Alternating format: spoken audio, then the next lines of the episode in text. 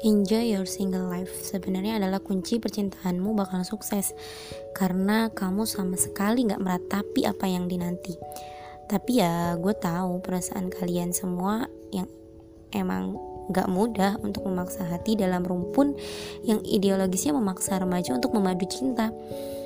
Hati turut terpaksa untuk lekas dihampiri. Penantian terasa begitu perih dan melelahkan.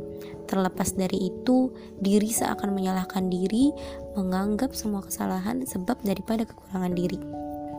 Introspeksi diri itu memang perlu, diharuskan, dan perlu terus ada perbaikan. Namun, kepada apa kita berpacu? Kepada apa standar benar dimaknai? Itu hal yang perlu kita resapi lebih. Kebenaran itu mutlak, bukan relativisme yang hadir hanya sekedar dari pikiran manusia. Lalu, berdasarkan pedoman Al-Quran dan Sunnah. Apakah kesendirian menjadi sebuah kesalahan? From my point of view, is a big no. Dengan catatan kita tak menolak untuk berpasangan dan kelak membangun cinta. Lalu mengapa terburu-buru hanya karena terpaksa oleh keadaan?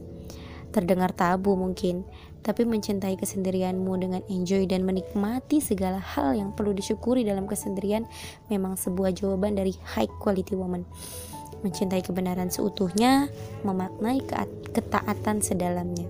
Enjoy your single life and be a high quality woman.